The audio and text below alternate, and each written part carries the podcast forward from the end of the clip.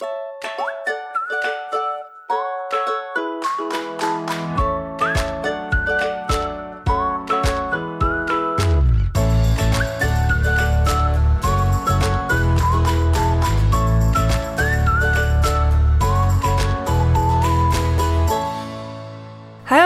en welkom bij een gloednieuwe aflevering van de Wat ik wou dat ik wist podcast. Mijn naam is Kelly Baptist, ik ben 27 jaar en elke week deel ik wat ik wel eerder had willen weten en vertel ik verhalen waar jij je als twintiger hopelijk in herkent. Het is vandaag 1 december als ik dit opneem, 2 december als jij het luistert op de dag dat de aflevering is uitgekomen.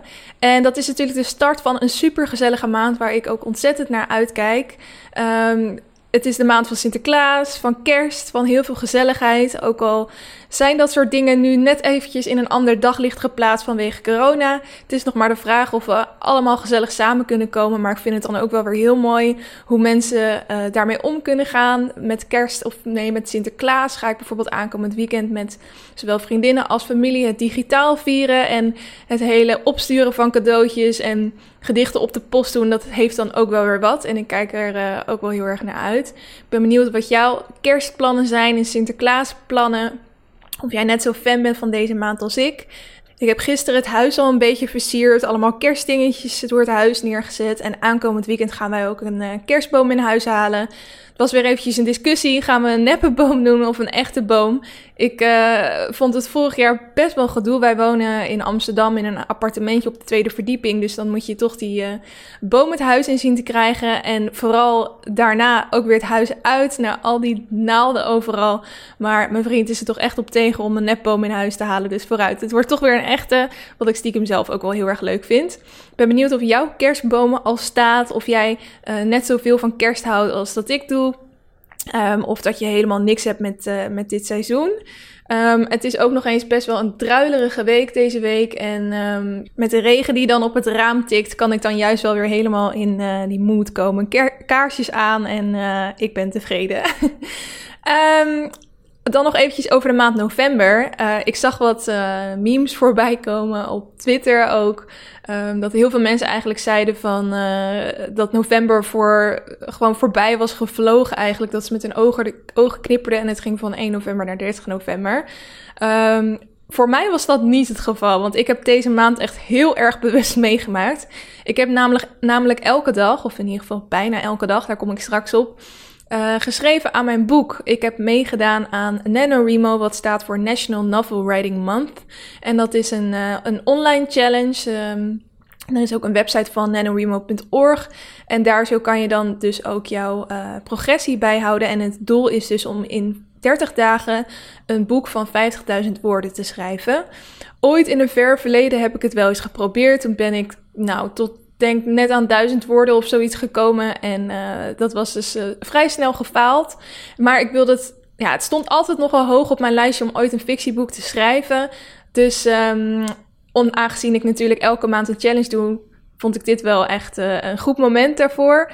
En ik kan alvast verklappen, ik heb het gehaald. Ik heb gisteren voor mij, eerder gisteren voor jou, uh, op 30 november het boek, uh, nou ja, niet volledig afgeschreven, maar wel de 50.000 woorden aangetikt. En dat was toch wel eventjes een heel trots momentje. En het leek me wel leuk om in deze aflevering te vertellen hoe ik dat nou heb gedaan, hoe ik dat aangepakt heb. Misschien zijn er wel meer mensen die ook heel graag een keer een fictieboek willen schrijven. Um, waar moet je dan allemaal rekening mee houden? Zeker ook als je met zo'n challenge mee wilt doen, waarin je in een hele korte tijd heel veel gaat schrijven. Um, ja, ik heb inmiddels wel wat tips en tricks daarvoor verzameld, dus die ga ik deze uh, aflevering met je doornemen. Maar voordat ik daarmee ga beginnen, uh, ga ik eerst even naar het lekker loeren blokje, waarin ik op een luchtige manier de week met je doorneem en kijk wat voor celebrity nieuws er allemaal is geweest afgelopen week. Um, heel veel uh, tv-nieuws deze week. Ik begin even met Temptation Island, want Temptation Island is weer begonnen, jongens. Vorige week donderdag uh, kwamen de eerste twee afleveringen online. Vind ik altijd wel heel fijn als ze daarmee beginnen, want dan zit je direct goed in het programma. En um, de koppels zijn voorgesteld en Uh, de eerste dagen op het eiland zijn al getoond. En uh, ja, ik ben er eigenlijk wel heel erg enthousiast over. Ik vind het heel leuk dat er nu wat oudere mensen aan meedoen. En met oud bedoel ik dan mijn leeftijd, een beetje 27, 28. Als ik wel eens ook Love Island Nederlands zat te kijken of um, andere Temptation Island seizoenen, dan deden er toch veel van, nou ja, soms zelfs al 19, 20, 21 mee. En um, ja, dat is toch net eventjes anders. Deze stellen, die zijn, er zijn ook stellen, er is een stelletje bij die al negen jaar samen is. Er zijn twee mannen die um, een ring mee hebben en die dus een huwelijksaanzoek willen doen als zij als koppel goed uit het programma komen. En dat geeft wel aan hoe serieus uh, deze relaties zijn. En dat er dus ook echt wat op het spel staat. En um, verder is de insteek dus anders, want het heet nu Temptation Island Love or Leave. En het is dus gebaseerd op het uh, Amerikaanse model. Dus je had Temptation Island USA, als je die wel eens hebt gezien. Die waren afgestapt van het hele vreemdgaan um, idee. Weet je, het gaat natuurlijk bij de klassieke Temptation Island best wel over... is een man te verleiden tot seks uh, of een vrouw? En um, deze, in deze editie gaat het eigenlijk vooral om kijken van je, hebt, nu een relatie, maar is er misschien wel iemand anders die beter bij je past? Dat wil je toch weten voordat je uh, beslist om um, je hele leven met iemand te spenderen. En er wordt dus ook wel benadrukt, merkte ik in die eerste twee afleveringen, dat op het moment dat die koppels uit elkaar gehaald worden, dat ze echt eventjes de ruimte krijgen om single te zijn.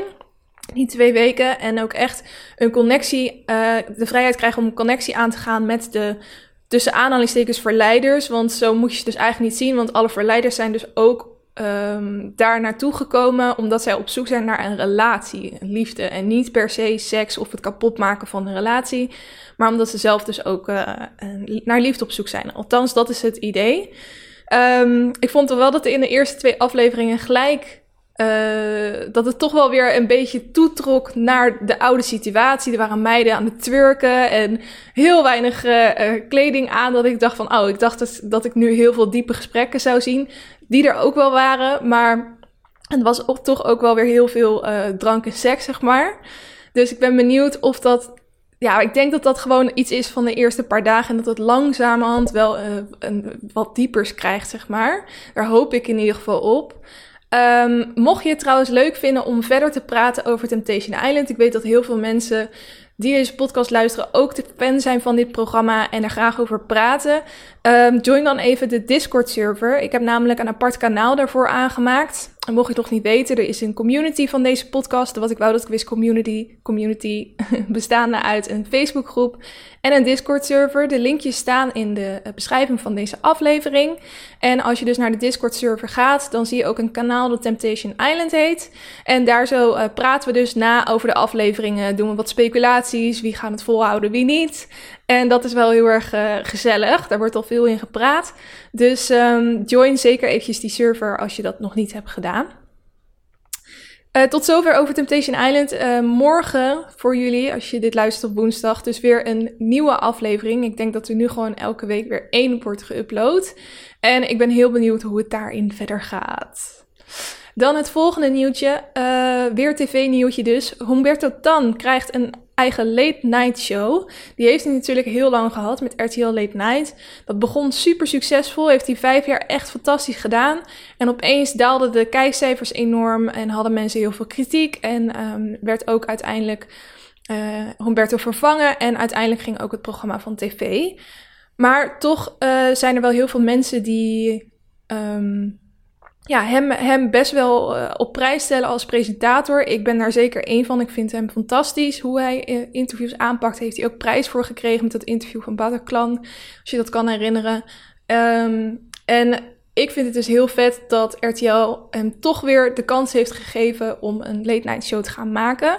Hij krijgt een uh, weekendshow op zondagavond en um, over allerlei verschillende onderwerpen zal het gaan. En hij zal in de zomer, in de sportzomer volgens mij, ook weer dagelijks op tv zijn. Dus ik ben heel benieuwd hoe dit voor hem gaat uitpakken. Ik hoop dat het allemaal, uh, allemaal goed gaat en dat hij echt dat je een frisse nieuwe kans krijgt. En um, ja, ik vind dat, dat, wat ik al zei, ik vind dat hij gewoon late night shows heel leuk doet. Dat hij echt een toffe presentator is. Dus um, ik ben benieuwd. En uh, nog iets anders wat ook in het nieuwe jaar komt. een uh, datingprogramma voor mensen met autisme. Dat wordt de SPSS gemaakt. Precieze datum dat het komt is nog niet bekend. Um, maar wel heel vet dat dit er gaat komen, want er was natuurlijk ook een Netflix-serie van. Ik zit even te denken hoe die ook weer heette. Oh ja, Love on the Spectrum heette die uh, serie op Netflix. Als je die nog niet hebt gezien, moet je hem zeker gaan kijken. Er zijn dus ook mensen met autisme um, die worden gevolgd in hun datingavontuur. En um, dit heeft een beetje dezelfde insteek, maar het is gebaseerd op de Belgische tv-hit Cupido of zo. Ken ik, ik ken dat programma nog niet, maar blijkbaar is dat heel groot in, uh, in België. Um, nog even verder over het programma. Er zijn dus twee presentatoren, die zijn nog niet bekend wie het zijn. Die gaan er alles aan doen om de deelnemers te begeleiden in het datingproces. Ze worden op een zorgvuldige manier gematcht en hoeven niet in het diepe te springen, want van tevoren is al goed nagedacht en overlegd over hoe de date eruit kan zien. En het wordt gemaakt in samenwerking met de Nederlandse Vereniging van Autisme, wat ik ook wel heel goed vind. En nou ja, er is dus nog geen, uh, geen datum bekend, maar ik vind het wel heel tof dat dit er uh, gaat komen. Sowieso dat er echt eventjes wat andere datingshows komen. Zoals bijvoorbeeld ook die ik vorige week noemde Prince Charming. Waarbij een man op zoek gaat naar een, een man in de vorm van de bachelorette, zeg maar. Of de bachelor uh, opzet. Um, ja, heel tof wat voor uh, nieuwe dingen er allemaal aankomen. En dan tot slot het laatste lekker loeren nieuwtje. Uh, hier moest ik wel om lachen. Er was wat commotie vanwege het huis van Guus Meeuwis. Ik weet niet of je het mee hebt gekregen. Maar hij, um, even kijken, waar ging hij ook weer wonen? In Tilburg. Hij ging een huis kopen in Tilburg, of hij heeft al een huis gekocht in Tilburg. Een prachtige klassieke villa. Echt als je foto's ziet denk je, wauw, fantastisch. Maar hij heeft die complete villa laten slopen om er zijn eigen design op te zetten. En daar zijn ook foto's van online gekomen. En het is eigenlijk gewoon een enorm groot grijs blok met één mini raampje. Dus mensen noemen het ook wel de bunker. en um, dat pand wat er eerst stond, dat was dus 103 jaar oud. En um, ja, mensen vinden het uiteraard zonde dat dat allemaal is, uh, is uh, weggehaald. Um, nu heeft hij hier, oh ja, op, wat, wat had iemand ook weer op Twitter geschreven? Het huis dat Guus Meeuwis kocht hier in Tilburg en hoe het er nu uitziet, valt 2020 wel samen. en iemand anders zei, hoe kan de gemeente in vredesnaam goedkeuren dat een 103 jaar oud pand in goede staat tegen de vlakte gaat voor dit gedrocht? Uh, ook wordt het ontwerp vergeleken met een crematorium. Nou ja, uh, er is ook gevraagd aan Guus Meeuwis van wat vind je van alle ophef? En hij zei van, nou joh, we wonen er nog niet, we zijn nog steeds aan het ontwerpen, er komen nog nieuwe ramen in, die zijn, worden nog getekend, het is gewoon heel modern en strak. Ik ben er zelf heel blij mee en um, ja, je moet het pas beoordelen als het helemaal af is. Dus blijkbaar is het nog een work in progress. Um, Oké, ik ben heel benieuwd of het nog een stukje mooier gaat worden. Dat gebrek aan ramen, dat is natuurlijk wel slim als je BN'er bent, maar of je er nou echt in wil gaan wonen, dat vraag ik me af. Maar ja, zoek die foto's dus eventjes op van Guus Meeuwis een nieuw huis en uh, ik ben benieuwd wat jij ervan vindt. Dat was voor het lekker loeren blokje. Dan ga ik nu door naar het LKL'tje waarin ik je lees, kijk en luistertips geef. Uh, ik begin met de leestip. Um, normaal geef ik hier zo uh, mijn reactie op het boekenclubboek van de afgelopen maand. Ik heb in de maand november alleen geen boek gelezen, omdat ik er dus een zelf aan het schrijven was en ik het niet zo fijn vind om te lezen naast het schrijven. Maar ik heb wel al een nieuw boek gekozen voor de maand december. Ik wilde heel graag een makkelijk romantisch boek dat ook nog draait om kerst, want dat vind ik echt het allerfijnst om te lezen in de maand december. Ik heb heel veel uh, tips van jullie gekregen, zowel in DM als uh, reacties op mijn vragensticker in Instagram. Dus hartstikke bedankt daarvoor. Uh, sommige mensen stuurden echt in DM iets van 10 tips door. En uh, ja, dat vind ik echt lief hoe jullie uh, altijd met mij meedenken. Het boek dat ik heb gekozen heet 12 dagen voor kerst van Jenny Baylis. En ik zal even voorlezen waar het over gaat. Het is dus niks hoogdravends, maar gewoon een heerlijk boekje om in deze maand te lezen, denk ik. Het boek is trouwens in oktober, oktober 2020 uitgekomen. Dus um, nog niet zo heel lang, vrij nieuw boek ook. Oké, hier gaat hij over. 12 dates met 12 verschillende mannen. Het lot zou Kate goed gezind moeten zijn. Als het op relaties aankomt, zegt de 34-jarige Kate Turner graag bahumbug. Geen idee wat daarmee wordt bedoeld. Het besneeuwde, slaperige stadje Blacksford zit immers niet bepaald vol met datewaardige leuke mannen. Trouwens, wie heeft een man nodig als ze haar geluk heeft gevonden in haar carrière als ontwerper en in haar bijbaantje als bakker voor het café van haar jeugdvriend Matt? Maar dan schrijft haar goedbedoelende beste vriendin Laura haar in voor een datingbureau. Daar beloven ze eenzame singles te helpen om liefde te vinden voor de kerstvakantie begint. Nou, lijkt mij een superleuk boek. Het heeft 432 pagina's, als je dat wilt weten. Um, op bol.com staat dat je hem binnen een dag in huis kan hebben. Ik weet helaas niet of die... Ja, hij is ook in Kobo Plus, daar uh, staat hij in. En dat is gratis voor abonnees. Is ook een e-book versie, luisterboek versie. Dus ik hoop dat uh, veel van jullie uh, mee gaan doen met dit boek. Zo ja, laat me dat eventjes weten in een DM. Vind het altijd leuk om te weten welke mensen er mee gaan lezen. En dan kan je misschien aan het eind van de maand ook eventjes naar mij je recensie doorsturen. En dan neem ik die mee in de laatste aflevering van deze maand, waarin ik ook mijn review geef. Uh, dus dat is het nieuwe boek. 12 dagen voor kerst van Jenny Belis. Dan uh, de kijktip. Ik heb ontzettend veel gekeken afgelopen uh, weken, voornamelijk weekend. We hadden echt een, een, weekend waar we vooral thuis waren. En ik was of aan het schrijven of voor de tv aan het hangen. voor de rest niet zo heel veel gedaan eigenlijk. Oh ik heb nog Sinterklaas gedicht geschreven. Maar dat was het wel een beetje. Uh, een aantal dingen die ik heb gekeken. Uh, een documentaire over uh, prinses Diana. Het heet Diana in Her Own Words. En ik dacht eigenlijk, er stond toen ik hem zat te kijken, dat hij 30 um, november van Netflix af zou gaan. Maar ik zie dat hij er nu nog op staat.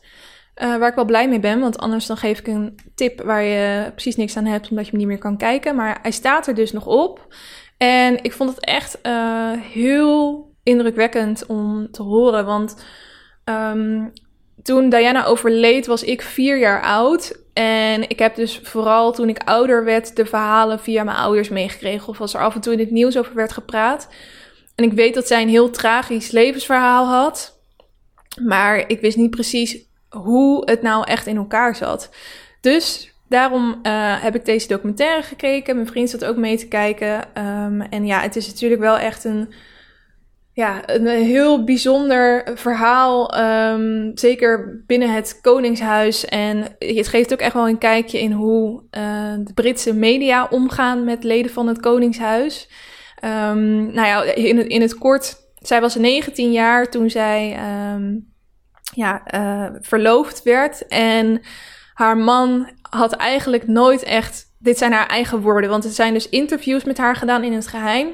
En die interviews waren bedoeld voor een uh, biografie over Diana. En die biografie kwam uit toen zij nog leefde. Alleen toen heeft ze dus geheim gehouden dat zij daaraan mee had gewerkt.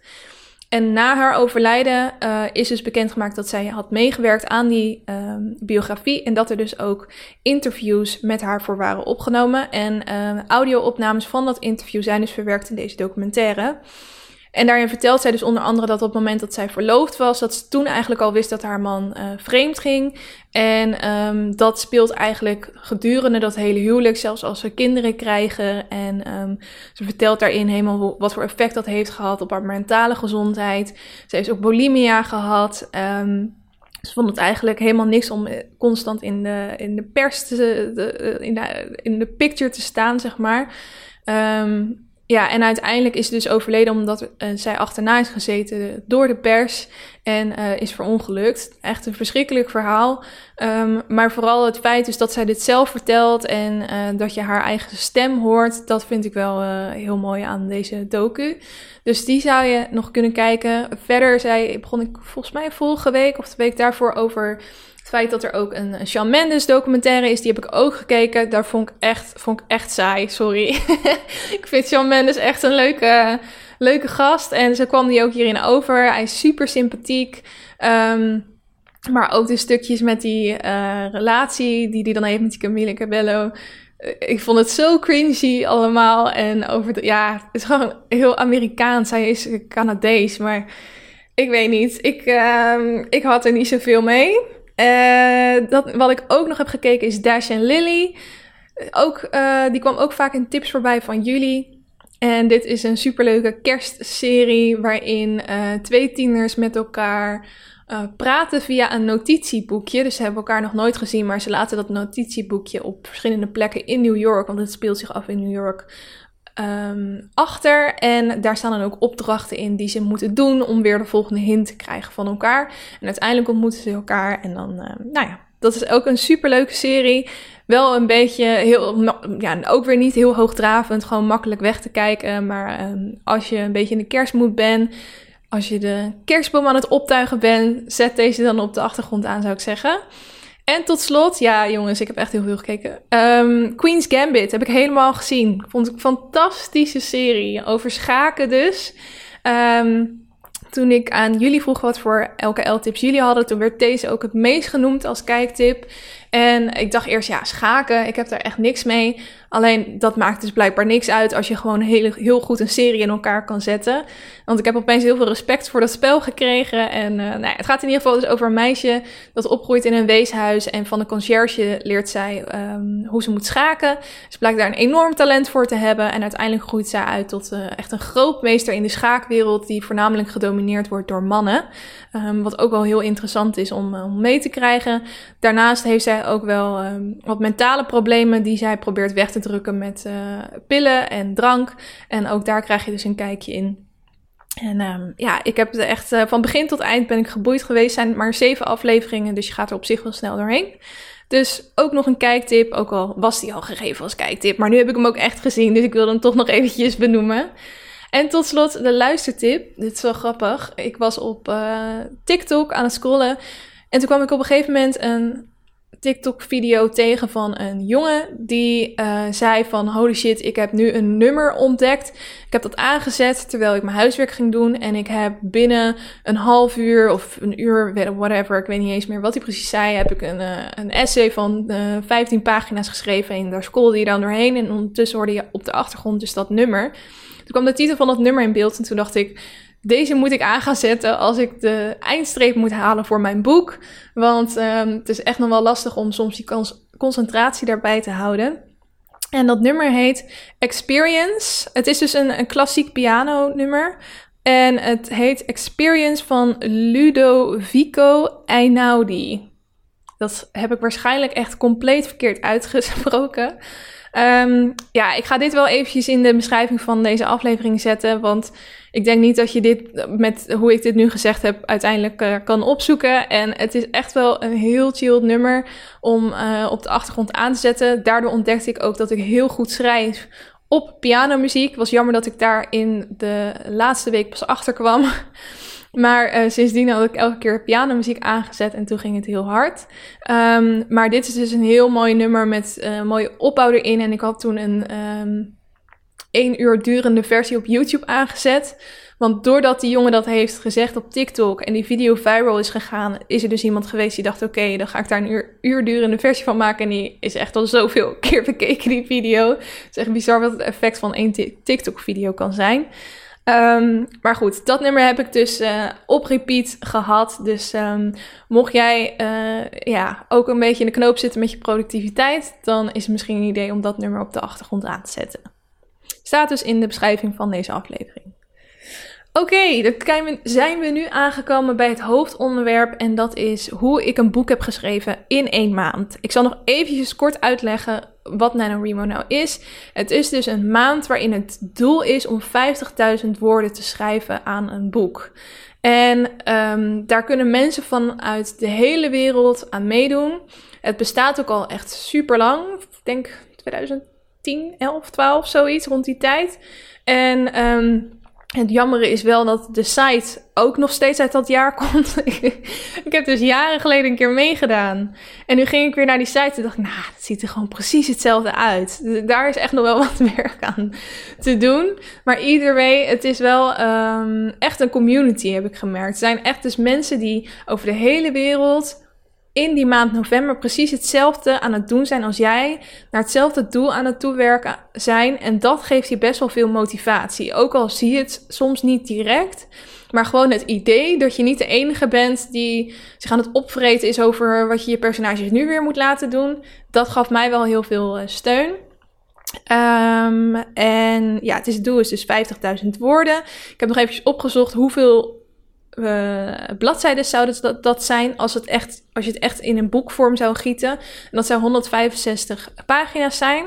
En gemiddeld zijn de boeken, je mag dat al wel een boek noemen in principe. Alleen de meeste boeken zijn tussen de 60 en 100.000 woorden. Dus die zijn nog, nog iets, uh, iets langer. Maar het doel is ook gewoon om zoveel mogelijk te schrijven. En het moet ook vooral niet perfect zijn. Ik had soms ook wel eens momenten dat ik dacht, ik ga weer eventjes terug en dan ga ik weer een stukje uh, even dat herschrijven en dan weer verder.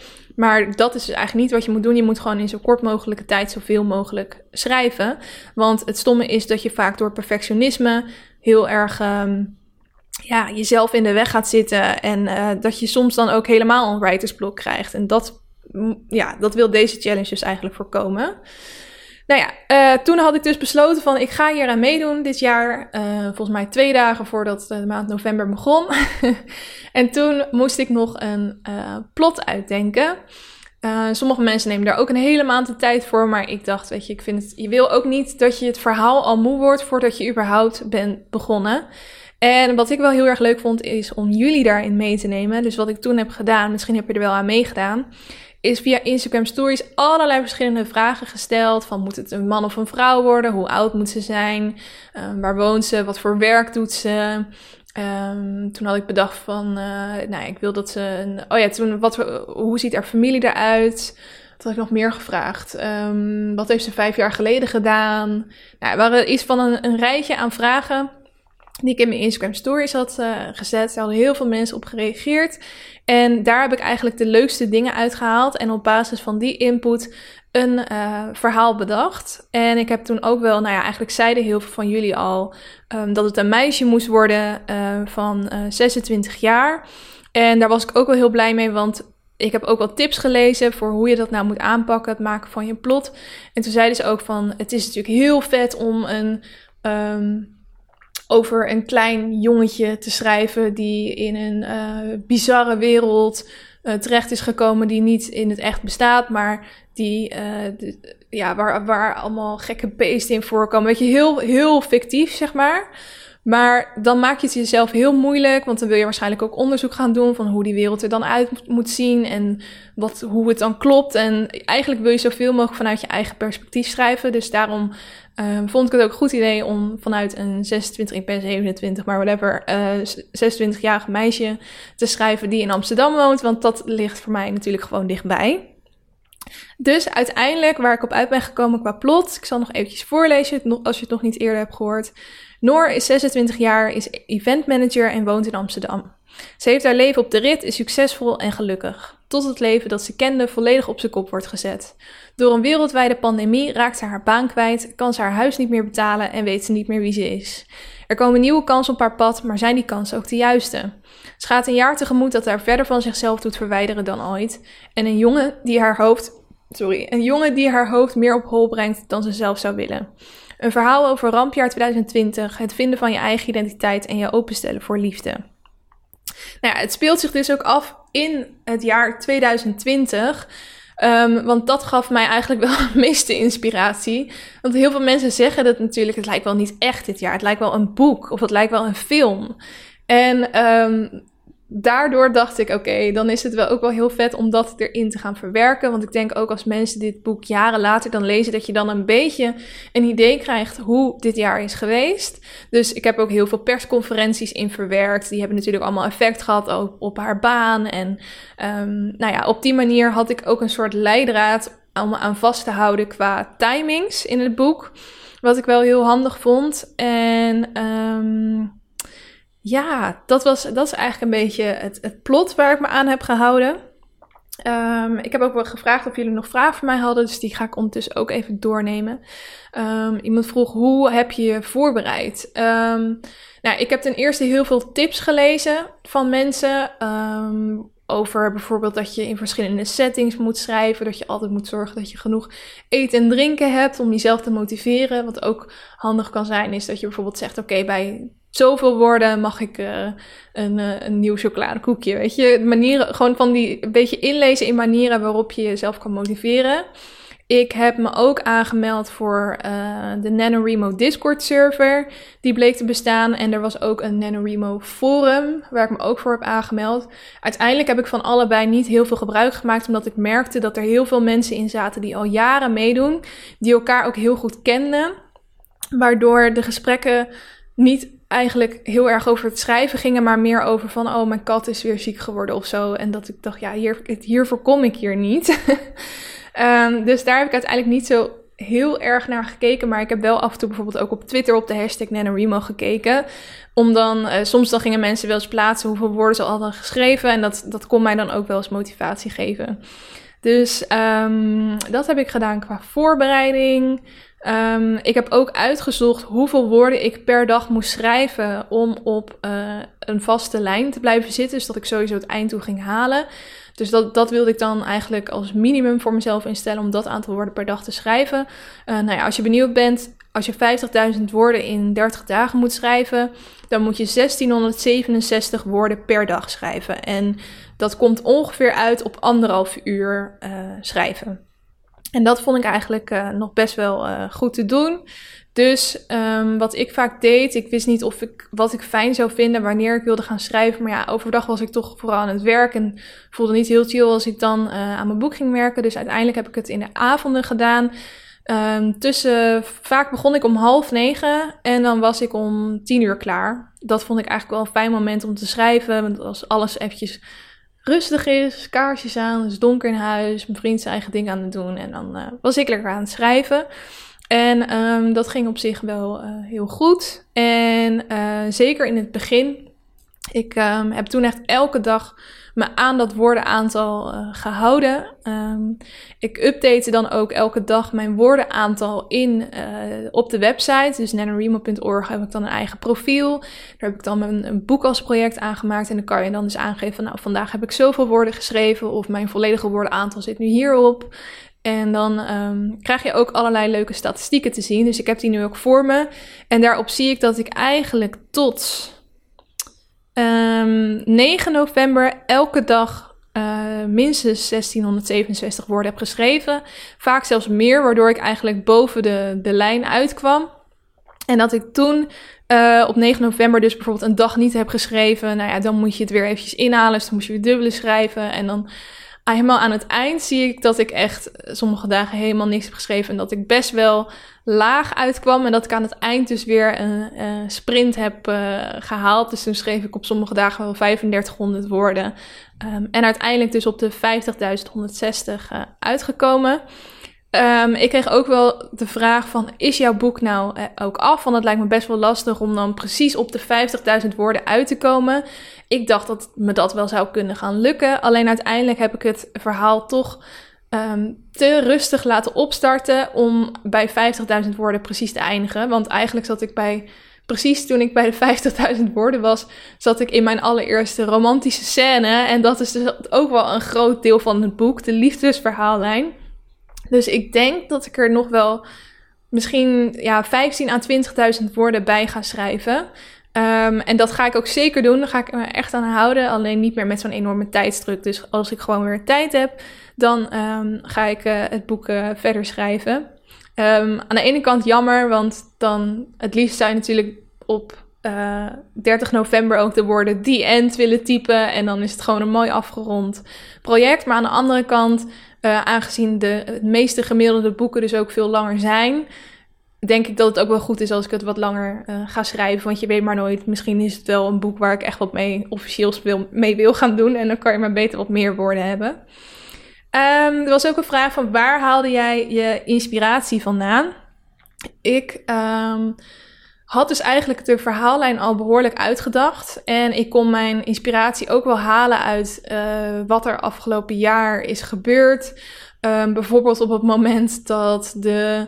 Uh, dat er, uh, ik zeg maar wat, wc-papier werd gehamsterd. Of de video's die je zag vanuit Italië, dat mensen op hun balkons muziek met elkaar aan het, aan het maken waren. Of um, dingen, hoe, hoe Nederlanders reageerden op bepaalde nieuwe maatregelen. En daar heb ik wel inspiratie uit gehaald.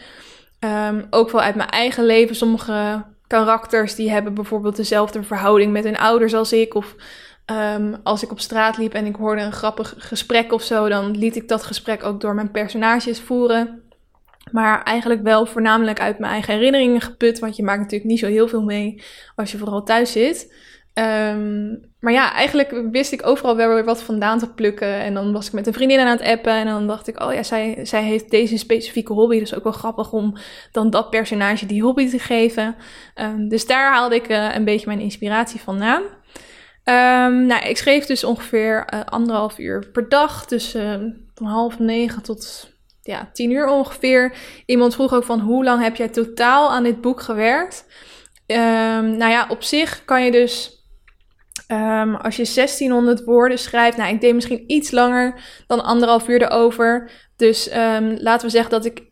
Norm, ja, dat je, dat je het eigenlijk zou je het bijna zo kunnen vertalen. Dus 1600 woorden of 1500 woorden is anderhalf uur. Dus als je dan 50.000 woorden moet schrijven, dan schrijf je daar 50 uur aan. Ik denk dat je wel ongeveer daarvan uit uh, kan gaan. Maar het is natuurlijk ook heel erg afhankelijk van hoe snel jij schrijft. Dat is ook wel grappig. Ik heb dat ook aangegeven uh, elke keer als ik had geschreven van wanneer, hoe laat ik was begonnen en hoe laat ik was geëindigd. En dan laat hij dus ook zien wat je writing speed is. En bij mij staat: Your average writing speed is 25 words per minute. Dus nou ja, dat uh, is wel netjes. En on average you write 1672 words per day. Nou, is op zich ook logisch als je op de 50.000 eindigt. Um, en hoot hoot, you're a night owl. You write the most between 10, 10 p.m. en 11 p.m. dat is wel heel grappig wat je allemaal in kan zien hier. Um, hoe bleef ik mezelf motiveren? Nou ja, dat bijhouden op die website, dat hielp dus wel heel erg, want je hebt een balk. En die balk zie je elke keer iets voller raken als jij weer aangeeft dat je extra woorden hebt uh, geschreven. Um, en ik keek dus af en toe ook op social media of in die communities, die Discord server of die van het forum. Om te zien of er andere mensen ook nog aan het schrijven waren of het lastig hadden of zo. Dat steunde wel heel erg. En uh, voornamelijk het idee dat ik aan jullie had verteld dat ik dit aan het doen was. En dat, er, uh, um, ja, dat ik dus aan het, mijn doel was om aan het eind van de maand 50.000 woorden te hebben geschreven. Dat uh, was een enorme stok achter de deur voor mij. Dat vond ik ook heel fijn dat ik die had. Want ik denk dat dat toch wel echt de hoofdreden is dat ik het, het heb gehaald. En dat ik mezelf heb kunnen blijven motiveren. Um, ja, ik had wel gehoopt dat ik echt elke dag zou kunnen schrijven. Maar ik heb dus ook wel wat dagen geskipt. Maar goed, dat is waarschijnlijk niet meer dan, uh, dan logisch. Sommige dagen zijn eenmaal wat drukker dan andere jaren. En soms ja, ben je gewoon chagrijnig, heb je er echt geen zin in. Um, iemand vroeg namelijk ook, vond je het de hele maand leuk? Ik vond het aan het begin mega leuk. Ik vond het echt, uh, altijd als ik een nieuw project start, dan kan ik bijna aan niks anders denken. En dat is het enige wat ik wil doen. En dan zit ik de hele dag te denken erover. En dan zat ik smiddags al te denken van... oh ja, misschien kan ik mijn personage vanavond wel dit laten doen. Um, en dan keek ik er ook echt naar uit. En als ik dan bezig was, dan ging de tijd ook zo voorbij. Maar in de tweede slash derde week begon ik wel wat kritisch op mezelf te worden. En dacht ik, nou, het is eigenlijk echt slecht gewoon wat ik aan het schrijven ben. Gewoon hele platte situaties, weet je wel. Nou, ik vind het altijd heel knap als mensen heel beeldend kunnen schrijven. Um, en bij mij was gewoon, toen deed ze dit en toen dat. En toen, ja, en toen was ik dat aan het lezen en dacht ik, nou, misschien kan ik maar beter mee kappen. En dan krijg je ook gewoon zelf geen zin meer om te schrijven. Maar ik had nog steeds al die stok achter de deur, dus ik dacht, ik blijf schrijven. Alleen toen vond ik het uh, wel minder leuk, omdat ik zelf wat minder enthousiast was over mijn eigen schrijfkunsten. Dat ging op zich richting het einde wel weer beter, want dan zie je die eindstreep natuurlijk aankomen. En toen flowde het verhaal ook gewoon veel beter. Eigenlijk zat ik er nog het lekkerst in, in het verhaal, of vond ik het het, leukst, um, het leukste punt van het verhaal vond ik eigenlijk precies op het einde. Dus um, dat is ook wel positief, want dat betekent denk ik wel dat ik um, nog zeker verder ga schrijven, wat wel de bedoeling is natuurlijk. maar ja, het, het had dus een ups en downs. Over het algemeen vond ik het leuk, leuker dan ik had verwacht zelfs. En vond ik het ook nog best wel goed vol te houden. Er zijn niet echt momenten geweest dat ik achter mijn computer ging zitten en um, alleen maar naar een wit scherm heb gestaard en dan boos mijn laptop weer dichtklapte. Dat is eigenlijk nooit gebeurd. Ik heb altijd wel wat woorden op papier gekregen. Dan zei ik bijvoorbeeld tegen mezelf: Oké, je moet in ieder geval 100 woorden hebben geschreven. En als je dan eenmaal bezig bent, dan, dan zit je er zo weer in en dan gaat het eigenlijk best wel snel. Uh, wat ik het moeilijkst vond, of vond tegenvallen. Um, ja, wat ik dus het moeilijkst vond is dat je er elke dag mee bezig moet zijn, eigenlijk. Als je in ieder geval, in, ik had dus in mijn hoofd dan ik wil elke dag 1667 woorden te hebben geschreven. En um, dat is best wel een commitment. Ik denk ook niet dat ik het had volgehouden als het twee maanden had geweest. En um, wat natuurlijk wel meehielp, is dat ik niet heel veel sociale activiteit had staan. Dus ik had de tijd er ook gewoon voor. Maar het is wel zoiets wat de hele tijd in je achterhoofd blijft zitten. Uh, als je een hele dag hebt gewerkt, dat je dan nog wel weet van, oh, ik moet ook nog schrijven. En op een gegeven moment, het is natuurlijk heel leuk ook, maar het begint ook echt wel als een klusje uh, te voelen. En um, dat is soms niet even fijn om daar elke dag aan herinnerd te worden van dat je nog een extra klus erbij hebt die je dan nog in de avond moet doen. Dus dat vind ik wel heel fijn dat ik dat nu in ieder geval niet meer heb, die druk. Um, en dat vond ik denk het, uh, het minste eraan. En wat ik het makkelijkst vond was het, um, het, het vinden van uh, nieuwe uitgangspunten voor mijn personages. En soms moest je natuurlijk echt wel eventjes nadenken van oké, welke kant laat ik het nu opgaan? Maar dat vond ik eigenlijk nog wel het leukste. Dat op het moment dat je gewoon je vingers op het toetsenbord legt, dat je soms onbewust er gewoon dingen uit je vingers komen. Dat je denkt, oh, dat is eigenlijk ook grappig dat ik dat nu heb getypt. Want dat gebeurde me drie weken geleden. En dat heb ik nu alweer op zo'n manier in het verhaal verwerkt dat het precies leuk past. En ook nog bij dat personagische karakter en zo. En dat, dat, dat ik verraste mezelf, mezelf soms gewoon van wat er dan uit mijn vingers kwam. En dat vond ik eigenlijk wel heel leuk. En dat maakt het natuurlijk ook een stuk makkelijker voor mezelf. Um, nou ja, tot slot. Um, zou ik het ooit nog een keer doen? Meedoen met NaNoWriMo? Ik weet het niet. Ik, uh, het is wel echt een grote klus. En ik vond het heel erg leuk om te doen. Um, maar mijn doel was in eerste instantie gewoon om in ieder geval één keer in mijn leven zo'n boek te hebben geschreven en hier aan mee te hebben gedaan en het volbracht te hebben. En ik denk, ja, nu moet ik er dus niet aan denken om weer een hele maand uh, aan zo'n enorm project bezig te zijn. Maar wie weet dat het volgend jaar rond die tijd wel weer gaat kriebelen. Dat ik denk, oh, ik wil weer. En dan zou het zomaar kunnen dat ik het weer ga doen. Maar ik heb nu in ieder geval niet die plannen. en de allerlaatste vraag. Kunnen wij het ook lezen? Dat uh, stelden heel veel van jullie, wat ik uh, heel erg leuk vind. Uh, dat is wel het idee, ja. Um, ik ga het dus eerst nog afschrijven. Er moeten dus nog nou, 10, 15, 20.000 woorden bij. En um, zodra ik dat heb gedaan, wil ik op zoek gaan naar iemand. Of moet ik het eerst zelfs nog even helemaal herschrijven? Want er zijn ook uh, momenten dat ik dacht, ik moet nu gewoon mijn woorden aantal halen. Dus ik ga door. Maar ik wil eigenlijk dat hier nog een scène komt met dit en dat. En dan heb ik dat erin gezet. Of als ik iemands naam was vergeten, dat ik aan het begin van het boek een naam voor iemand bedacht en er al ingezet. En dan liet ik die persoon weer terugkomen en dacht ik, kut, hoe heette die persoon ook alweer? en dat ik dan geen tijd wil verliezen, had ik dan gewoon tussen haakjes gezet, hier moet naam van persoon komen. Um, dus nou ja, ik moet het nog een beetje herschrijven en natuurlijk zelf ook uh, kijken naar grammatica en, en, spelfouten. Dan wil ik het nog eventjes door iemand laten checken die um, ook echt heel goed in Nederlands is. Ik weet niet of ik dan iemand daarvoor ga inhuren die echt uh, boekeditor is. Of dat ik gewoon een, um, een vriendin die het leuk vindt en die goed is in, uh, in dat soort dingen laat doen. En dan wil ik het heel graag als e-book um, gaan aanbieden uh, voor een mooi prijsje uh, op mijn uh, site, zodat jullie het kunnen kopen en kunnen gaan lezen. En ik gok dus dat dat ergens begin volgend jaar gaat worden, misschien februari zoiets. Um, dus ja, daar kan je dan in ieder geval vast naar uitkijken. Um, ik ga het in ieder geval zeker beschikbaar stellen, want ik ben heel erg benieuwd wat jullie ervan vinden, ook omdat um, jullie input natuurlijk in meegenomen. Ik jullie door deze hele maand heb meegenomen. En nu vertel hoe het me is vergaan. En ik kan me dan voorstellen dat je ook heel nieuwsgierig bent naar het boek zelf. En ik ben ook heel erg benieuwd wat jullie van mijn schrijfkunsten vinden. Vind ik natuurlijk ook wel heel spannend. maar omdat er best wel wat boekenliefhebbers in deze groep zitten, uh, lijkt me dat alleen maar leuk om te doen. Dus dat komt er zeker nog aan. En thanks voor die, uh, die leuke vragen. Dat was het voor uh, het hoofdonderwerp. Mocht er nog vragen onbeantwoord zijn, mag je hem altijd een DM sturen op Instagram. Daar reageer ik meestal vrij snel op. En um, ik vind het alleen maar leuk om over dit project te praten, dus dat mag je altijd doen. Tot slot, uh, een nieuwe challenge voor de maand december. En daar heb ik best wel eventjes over nagedacht, want er zijn natuurlijk al elf maanden geweest, wat betekent dat ik dit jaar elf challenges heb gedaan. Ik weet ook eventjes niet wat ik, hoe, wat ik volgend jaar ga doen. Want dat betekent dat ik weer 12 nieuwe challenges moet bedenken. Um, misschien ga ik wel gewoon eventjes een vragenrondje doen en kijken of ik überhaupt uh, met input van jullie op 12 nieuwe challenges kan komen. En ehm, anders moet ik even een ander leuk onderdeel voor mijn podcast gaan bedenken. Maar goed, de laatste maand, december, uh, ga ik dus weer een nieuwe challenge doen.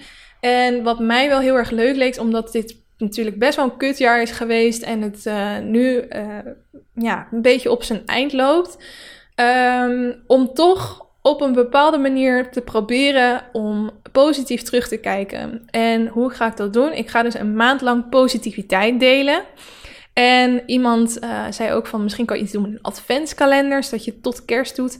Dacht ik, dat vind ik ook wel een leuk idee. Dus wat ik ga doen is een terugblik adventskalender in Instagram Stories. Nou zou je wel eens denken, wat de hel is dat? Um, elke dag van december upload ik uh, in, mijn Instagram Stories, wat ik wou dat quiz podcast. Um, een terugblik op het afgelopen jaar. Dus bijvoorbeeld mijn favoriete herinnering die ik in uh, eh, 2020 heb gemaakt. En dan deel ik die van mij, of dat nou in tekstvorm of een foto of een, eh, video is. Uh, en dan vraag ik ook wat die van jou is. En dan kan ik al jullie reacties weer delen in mijn Instagram stories. En um, op die manier kan ik ja, wat positiviteit met jullie delen. Zowel vanuit eigen punt als uh, vanuit jullie. En dat lijkt me wel uh, een mooie manier om dit, uh, dit toch wel verschrikkelijke jaar op een ja, goede manier te eindigen.